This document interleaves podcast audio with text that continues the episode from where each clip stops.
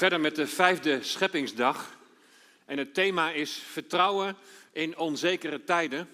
En je ziet daar onze demissionair minister-president. En die zegt op dat moment ook dat letterlijk, het zijn onzekere tijden. Nou is dat denk ik nog een fotootje van de coronaperiode. Maar ik zal jullie zo meteen ja, vertellen dat ook huidige demissionair ministers dezelfde woorden gebruiken op dit moment. We gaan uh, Genesis 1, vers 20 tot en met 25 lezen. En ik uh, lees over de vijfde scheppingsdag. En dan vast even een klein stukje over de zesde. Want dan gaat het ook over dieren. Want ik wil de volgende keer heel specifiek stilstaan bij de schepping van de mens. Dus Genesis 1 vanaf vers 20. En God zei: Laat het water wemelen van wemelende levende wezens. En laten er vogels boven de aarde vliegen, langs het hemelgewelf. En God schiep de grote zeedieren en alle krioelende levende wezens waarvan het water wemelt naar hun soort. En alle gevleugelde vogels naar hun soort. En God zag dat het goed was. En God zegende ze en zei: Wees vruchtbaar, word talrijk en vervul de water, het water van de zeeën. En laten de vogels talrijk worden op de aarde. En toen was het avond geweest en het was morgen geweest, de vijfde dag. En God zei: Laat de aarde levende wezens naar hun soort voortbrengen, vee, kruipende dieren en wilde dieren van de aarde naar zijn soort. En het was zo. En God maakte de wilde dieren van de aarde naar hun soort, het vee naar hun soort en alle kruipende dieren van de aardbodem naar hun soort. En God zag dat het goed was.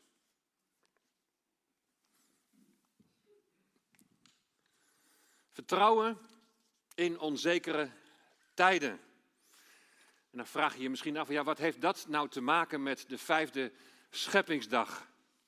Nou, dat zullen we zo meteen gaandeweg wel ontdekken. Ik wil even beginnen met een vraag. Wie van jullie heeft een, een, een op batterijen? Nou, dat zijn niet zo heel veel mensen. Er zijn er best wel wat weinig. Wie van jullie heeft een noodradio? Ik heb er hier eentje gevonden. En die kun je opladen met de hand en met een zonnepaneel.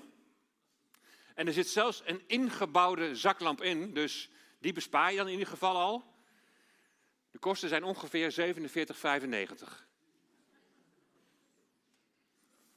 Heb je genoeg water en voedsel in huis voor de komende 36 uur? Rob Bauer van de NAVO die waarschuwt ons om voorbereid te zijn op het onverwachte. Om voorbereid te zijn, ook hier in Europa, om voorbereid te zijn op oorlog. Hij zegt het is op dit moment niet vanzelfsprekend dat wij in vrede leven. En Hugo de Jonge die reageert daarop dat we ons inderdaad moeten realiseren dat we in onzekere tijden leven. Kasia Olengren, demissionair minister van Defensie, die reageert ook dat het niet ondenkbaar is dat we in een situatie terechtkomen dat we onze vrijheid en veiligheid moeten verdedigen. Hugo de Jonge die voegt er nog wel aan toe dat we inderdaad wel in onzekere tijden leven, maar dat we de mensen ook niet onnodig angstig moeten maken. Ook ministers leren blijkbaar, hoop ik. Vertrouwen in onzekere tijden. Maar alleen al dat woordje angst noemen, ook al wordt er gezegd, ja, je moet niet angstig zijn, dat kan toch al iets bij je losmaken. Want er is nogal wat in de hand in de wereld waarop we op dit moment leven. Een situatie die je misschien best wel onrustig maakt. De oorlog tussen Rusland en de Oekraïne, waarin direct alle wereldmachten bij betrokken zijn. En wie had ooit gedacht dat oorlogsvluchtelingen uit een Europees land in ons midden zouden zijn? Trump die zegt wel van, nou ik heb het in 24 uur opgelost. Noord-Korea, die Rusland voorziet van wapens. China is inmiddels een hele goede olieklant van Rusland, die niet meer naar het westen mag leveren. Hamas valt Israël aan en Israël slaat terug in Gaza. Over en weer beschietingen tussen Israël en de Hezbollah in Libanon. En Israël zal steeds meer geïsoleerd komen te staan, waar we al iets van hebben gezien afgelopen vrijdag. En we weten de strijd zal uiteindelijk zal gaan om Jeruzalem. De Houthis in Jemen vallen vrachtschepen aan die maar enige relatie met Israël hebben.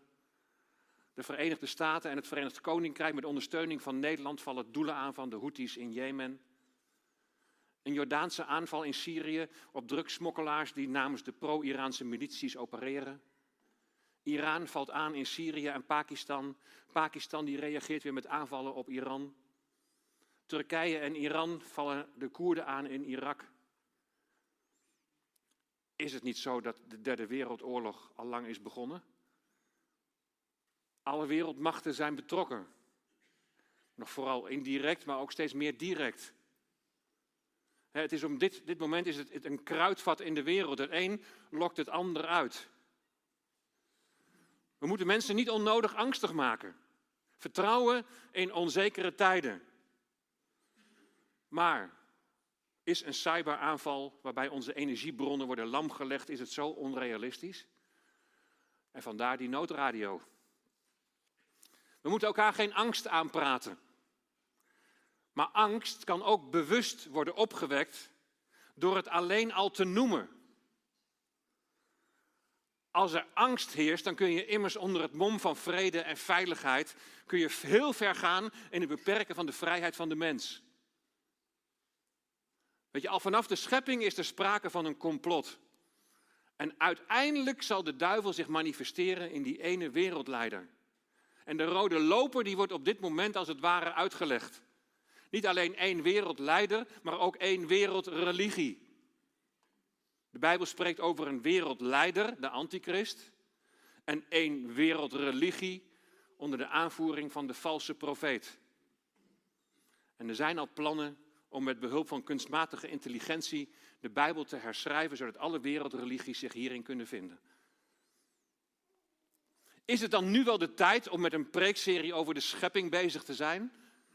Moet je niet meer de profetieën onderzoeken en proberen te duiden waar we nu in relatie tot de tijd van het einde zijn aanbeland? Als er sprake is van angst, en misschien ben je ook wel wat onrustig over al die gebeurtenissen die ik net heb opgenoemd, wat moet je dan doen? Helpt het dan om te weten waar je bent aanbeland, als je dat al kunt weten? En wat er nog allemaal gaat gebeuren? Ik zeg niet dat het onbelangrijk is. Ik hoop dat je die grote lijn daar een beetje van te pakken hebt. En dan weet je dat de Satan alles wil vernietigen. En dat hij zich uiteindelijk zal manifesteren in die antichrist die de hele wereld naar zijn hand zal zetten. Maar dan weet je ook dat God een nieuwe, een vernieuwde hemel en aarde heeft beloofd, waar hij alles in allen zal zijn. En dat het eindstation van de Satan en de antichrist en die valse profeet, dat het eindstation zal zijn in die, in die poel van zwavel en vuur. Dus dan weet je dat het ooit goed gaat komen. Dat maakt het er misschien in het heden niet altijd makkelijker op. Maar ik hoop wel dat het helpt om, om, om, om te relativeren. En echt te leven vanuit die hoop die voor je ligt. De tegenhanger van angst is vertrouwen. Vertrouwen in onzekere tijden. Ga je vertrouwen op jouw profetische kennis? Profetische kennis is belangrijk. Maar je moet je wel steeds weer afvragen waartoe die kennis dan dient. Alleen de kennis op zich, die helpt je niet als vrede en veiligheid onder druk komen te staan. Naarmate je de tijd van het einde ziet naderen, moet je meer en meer vertrouwen op God. Het verstaan van het profetische woord moet je helpen om te groeien in vertrouwen op Hem die ons deze woorden heeft gegeven. En wat is het dan belangrijk om met Genesis 1 te beginnen? Het einde van het laatste Bijbelboek Openbaring, die laatste hoofdstukken van het laatste Bijbelboek Openbaring, die ga je pas echt begrijpen als je Genesis 1 hebt gelezen en begrepen. Genesis 1, daar zien we dat God de schepper is van hemel en aarde. En als je dat gelooft, dan kun je, hoe de wereld ook wankelt, dan kun je erop vertrouwen dat Hij alles in zijn hand heeft. Het is Zijn schepping. En Hij zal het vernieuwen. Waarom denk je dat er alles aan gedaan wordt om, om Genesis 1, 2, om het scheppingsverhaal onderuit te halen? Ze proberen je vertrouwen in de schepper, in God de schepper onderuit te halen. Als Genesis 1 niet klopt, dan heeft dat verstrekkende gevolgen. Dan haal je de Torah onderuit. Want bijvoorbeeld in het tweede boek van de Torah, het boek Exodus, daar staat dat in zes dagen heeft de Heer de hemel en de aarde gemaakt. Als Genesis 1 niet klopt, dan ondermijn je het onderwijs van de apostel Paulus. In 1 Korinthe 15, vers 45, daar schrijft Paulus dat Adam de eerste mens is. En er zijn christenen die dit zelfs al in twijfel trekken. Als je daarin meegaat, geloof je dan nog wel dat Jezus de laatste Adam is? Waarom zou het eerste deel van de tekst niet kloppen en het tweede deel van de tekst wel? Als je zegt dat Genesis 1 niet klopt, dan is het belangrijkste gevolg dat je de betrouwbaarheid en de positie van Christus, de laatste Adam, ondermijnt. Want regelmatig wijst de Heer Jezus naar de schepping. Bijvoorbeeld als het gaat over het mannelijk en vrouwelijk geschapen zijn van de mens. En ook als hij verwijst naar het huwelijk. Geen wonder dat het scheppingsverhaal onder druk staat. Want het sluit andere relatievormen dan het huwelijk van man en vrouw uit.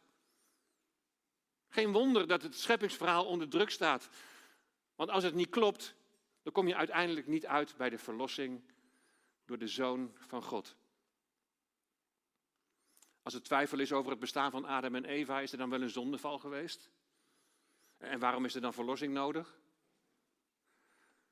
Als Genesis 1 niet klopt, dan ontneemt dat jou je vertrouwen in God. Het gevolg is angst en onzekerheid. De tegenhanger van angst is vertrouwen. Vertrouwen op God. En dat is waar je op moet bouwen in tijden van onzekerheid. Vertrouwen op Hem. We weten, de aarde waarop we nu leven, die, die ligt onder een vloek. Je kunt het allemaal lezen in Genesis 3. En de Satan wordt de overste van deze wereld genoemd, de God van deze eeuw, van dit tijdperk dat alles onder het beslag van de boze ligt. Zijn macht is wel beperkt tot in hoeverre God hem toestaat om te handelen. Zijn macht is beperkt omdat de Heer Jezus alle macht is gegeven in de hemel en op aarde. Maar zolang die Satan niet is geworpen in de poel van zwavel en vuur, gaat hij nog rond als een brullende leeuw, zoekende wie hij kan verslinden. En zijn vernietigende werk zien we in de wereld om ons heen, maar ook in de kerk, waarin toenemende mate de betrouwbaarheid van Genesis 1 onder druk staat. Laat je vertrouwen in Gods woord, je vertrouwen in Genesis 1 niet ondermijnen. En we zijn bij de vijfde dag.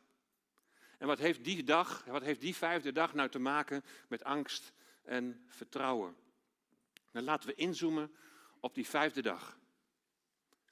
De eerste drie dagen werd alles voorbereid om in te kunnen richten. En vanaf dag vier start de inrichting.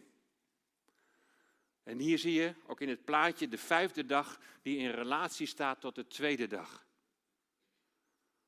Op de tweede scheppingsdag maakte God een stevige scheidingswand, die uitspansel of, of hemelgewelf wordt genoemd. En vervolgens duwt hij een deel van het oerwater dat de aarde overdekt achter die scheidingswand. Water naar boven, water naar beneden. Het is de dag van de scheiding van water en lucht. En er ontstaat op die tweede dag ontstaat er ruimte.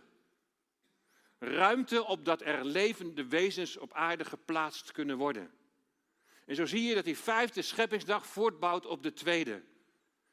Immers vanaf de vijfde dag worden de oceanen en de zeeën, de rivieren en de meren, die worden bevolkt door allerlei soorten vissen. En het luchtruim wordt vanaf die dag doorkruist door vogels.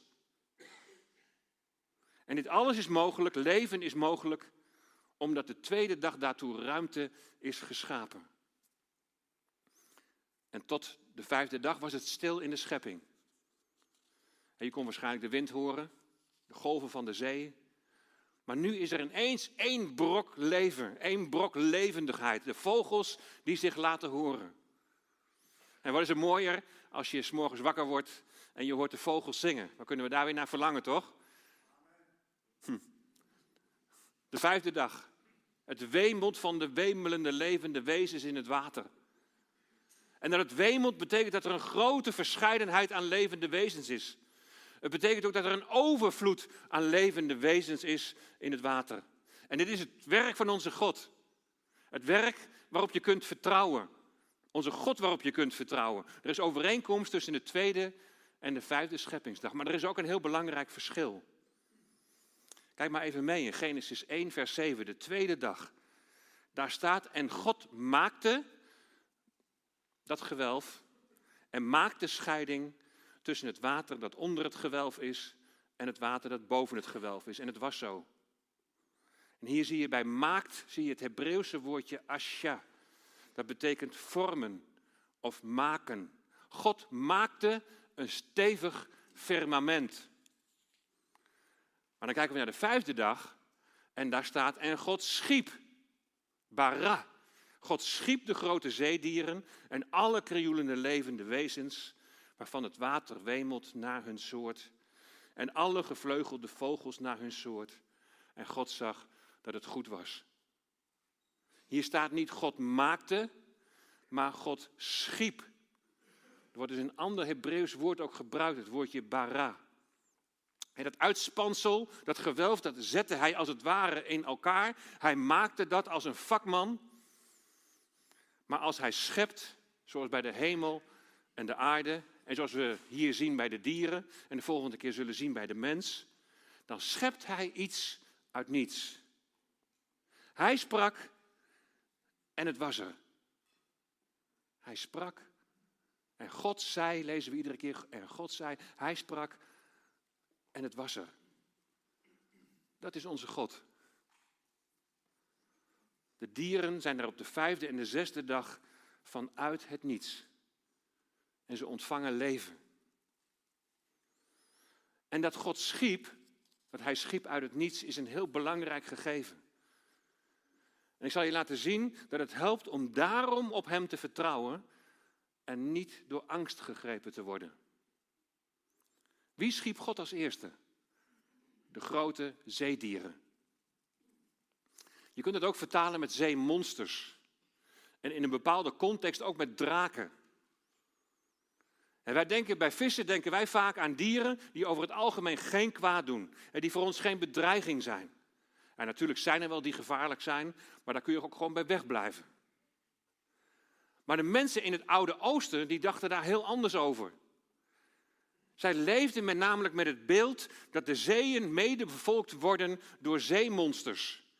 Zeemonsters die afkomstig waren van de chaosmachten die het oerwater hadden bevolkt. En een van die zeemonsters was Leviathan, over wie gesproken wordt in Job en in Psalm 74 en Psalm 104. Qua beschrijving zegt men dat dit beest nog het meest in de richting komt van de, ik kan het bijna niet uitspreken, Sarcosuchus imperator. Een monsterlijke krokodil met een soort panzerplaten om zich heen. Hij kon wel 10 ton wegen en 12 meter lang worden. De angst voor wat uit de diepten van de zee tevoorschijn kon komen, dat doordronk helemaal het denken van de toenmalige mens. En nu lezen wij in Genesis 1 dat die grote angstaanjagende zeemonsters, zoals de Leviathan, door God geschapen zijn. Dat betekent dus dat ze ook aan Hem onderworpen zijn. Hij staat als schepper boven hen. Dus je hoeft helemaal geen angst te hebben voor wat uit de diepte van de zee tevoorschijn zou kunnen komen. Want je schepper is betrouwbaar. Vertrouw Hem. Vertrouwen, het tegenovergestelde van angst. Vertrouwen in onzekere tijden. In Psalm 74, die noemde ik net al eventjes, daar kun je onder andere lezen over die Leviathan. En in Psalm 74, daar is er sprake van tegenstanders. Daar is sprake van dreiging. Het is de tijd dat Jeruzalem en de tempel zijn verwoest door de Babyloniërs. Dus het is een tijd van oorlog en strijd. Iets waar wij nu voor gewaarschuwd worden. Het is een tijd van nederlaag. Het is een tijd van wegvoering. Een tijd dat je zomaar in de greep van de angst zou kunnen komen. En misschien leef je los van wat er allemaal in de wereld speelt wel Wel, voor jezelf persoonlijk in onzekere tijden. He, ziekte, wat is er nog aan te doen? Kinderen die zich misschien niet ontwikkelen zoals dat normaal verwacht zou mogen worden. En wat betekent dat voor hun toekomst? Onzekere tijden. We hebben het net gehoord, getuigenis van het pastorale team, strijd in je huwelijk of strijd in je gezin. En dat je denkt, waar gaat dit op uitlopen? Onzekere tijden, vul zo je eigen situatie maar in. En dan komt in vers 11 van Psalm 74, daar komt die vraag, waarom trekt u uw hand terug? Uw sterke rechterhand. Trek haar uit het midden van uw boezem. Maak er een eind aan. aan die onzekerheid en die strijd en die oorlog.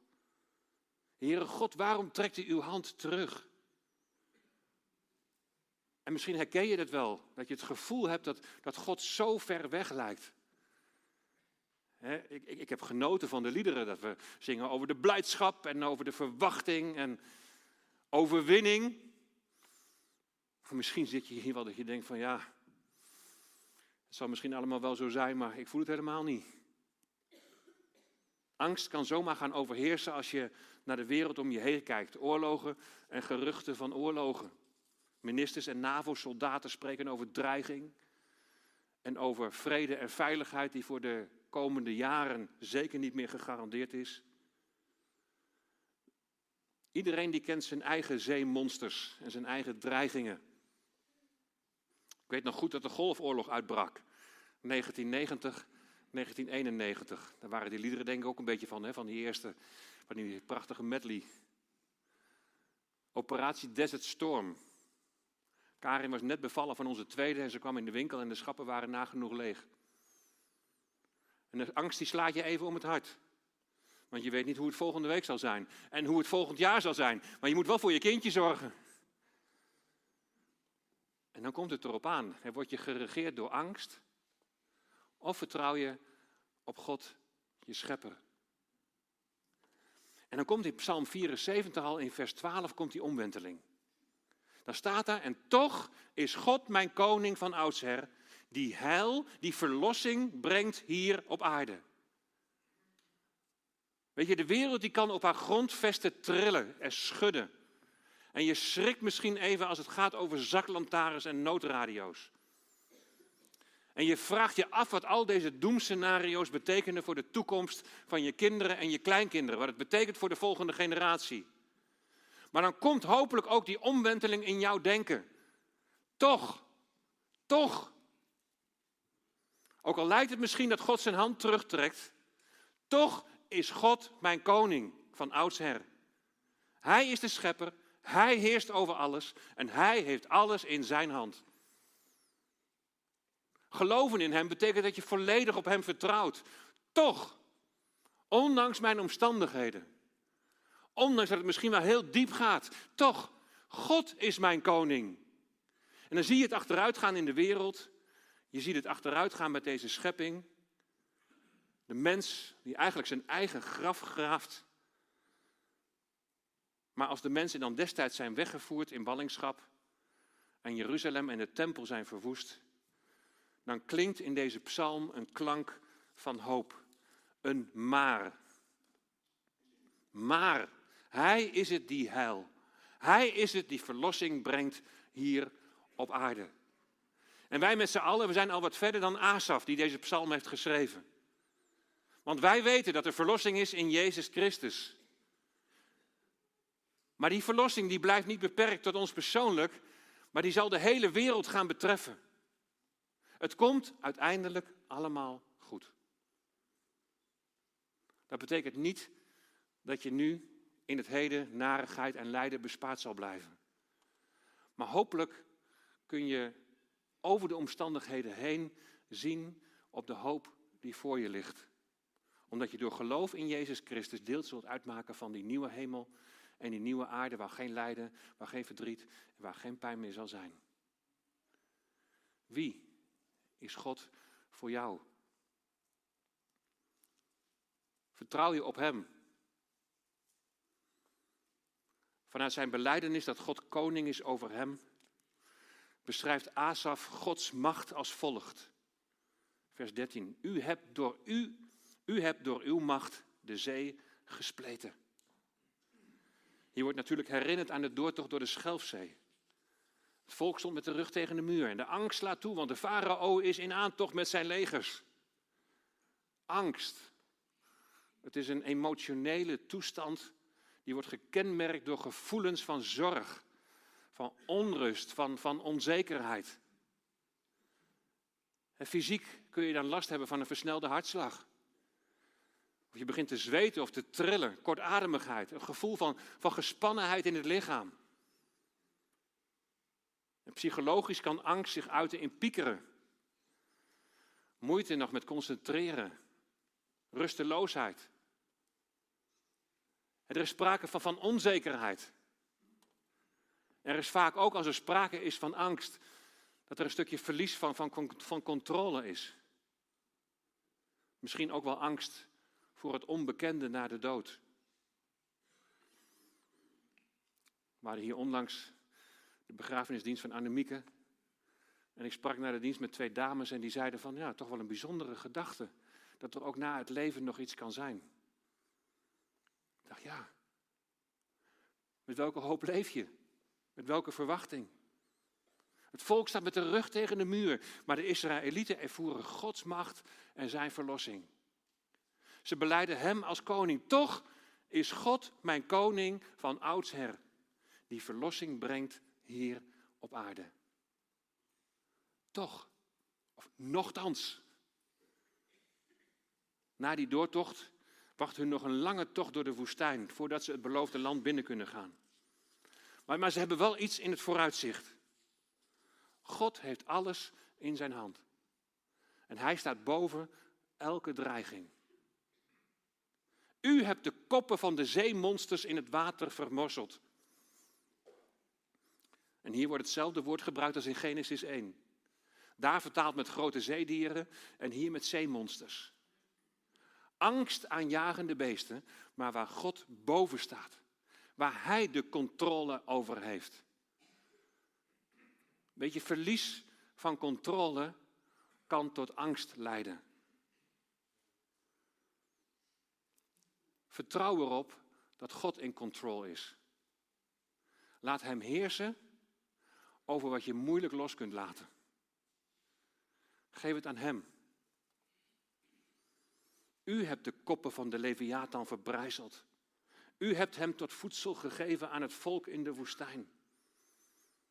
De Leviathan is een van die grote zeedieren die uitgebreid in het Bijbelboek Job wordt beschreven.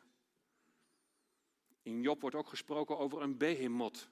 Die kun je scharen onder de wilde dieren van de zesde scheppingsdag. En gaat het dan over wat wij later de dinosaurus hebben genoemd? Nou, daar gaan we de onderwijsavond nog eens verder over nadenken. Waar het vandaag om gaat is dat God de schepper boven iedere dreiging staat. En aan ons is de oproep van laat je controle los. Vertrouw op God. Zie wat over, hier, over hem geschreven staat in Psalm 74, vers 16 en 17. De dag is van u, ook de nacht behoort u toe. U hebt het licht en de zon hun plaats gegeven. U hebt alle grenzen van de aarde vastgesteld, zomer en winter. U hebt ze geformeerd. Kortom, hij staat boven de schepping. Alles behoort hem toe. Jij toch ook? Hoop ik. Zie je hoe belangrijk het is om samen bij de schepping stil te staan? Misschien zijn er wel, figuurlijk gezien, monsters in jouw leven. Monsterlijke gedachten van angst, onzekerheid en vrees. Wanneer breekt hier de oorlog uit? In wat voor wereld groeien mijn kinderen op? Hoe kan ik aan alle verwachtingen voldoen? Ik word er gek van. Hoe houd ik vrede in mijn relatie, in mijn gezin? En voordat je het weet, kan angst en, en zorgen kunnen je overspoelen. Weet je nog, kerstavond? In de nacht van strijd en zorgen kijken wij naar u omhoog. Want er is een toekomst vol van hoop. De vijfde dag. God heeft alles in zijn hand omdat Hij de schepper is van alle dingen. Wees niet bevreesd, want God wil voorzien. God voorziet. Er was al zaaddragend gewas. Er waren al zaaddragende bomen. Er is eerst in voedsel voorzien. En, en je raakt steeds meer onder de indruk als je iets gaat begrijpen van hoe het hele ecosysteem in elkaar zit. Zaaddragend gewas betekent immers dat er steeds weer opnieuw wordt voorzien. En dan worden de vissen en de vogels uit het niets geschapen en de zesde dag de landdieren. En de landdieren worden in drie categorieën ingedeeld: vee, kruipende dieren en wilde dieren. En ze hebben allemaal een belangrijke functie in deze schepping. God voorziet. Vee dat gebruikt kan worden als werkkracht op het land. Vee inzetten voor het ploegen van velden. Andere agrarische taken. Vee is bijvoorbeeld belangrijk in verband met de melkproductie. Of dieren zoals bijvoorbeeld schapen die leveren wol. En ga zo maar door. God voorziet. Kruipende dieren zoals insecten en andere kleine wezens die spelen een cruciale rol in het handhaven van het ecologische evenwicht. Ze zijn vaak betrokken bij het afbreken van dood organisch materiaal, bestuiving van planten. God voorziet. Sommige kruipende dieren, zoals bijen, die zijn van vitaal belang voor bestuiving in de landbouw. Ze dragen bij aan de productie van voedselgewassen door pollen van bloem tot bloem over te brengen. Sommige kruipende dieren, zoals kevers en wormen, spelen een rol in het recyclen van organisch materiaal. God voorziet. Ze breken dode planten en andere resten af, waardoor voedingsstoffen weer terugkeren naar de bodem. God voorziet. En ook de wilde dieren, de dieren die in het wild leven, zijn belangrijk voor een ecologisch evenwicht.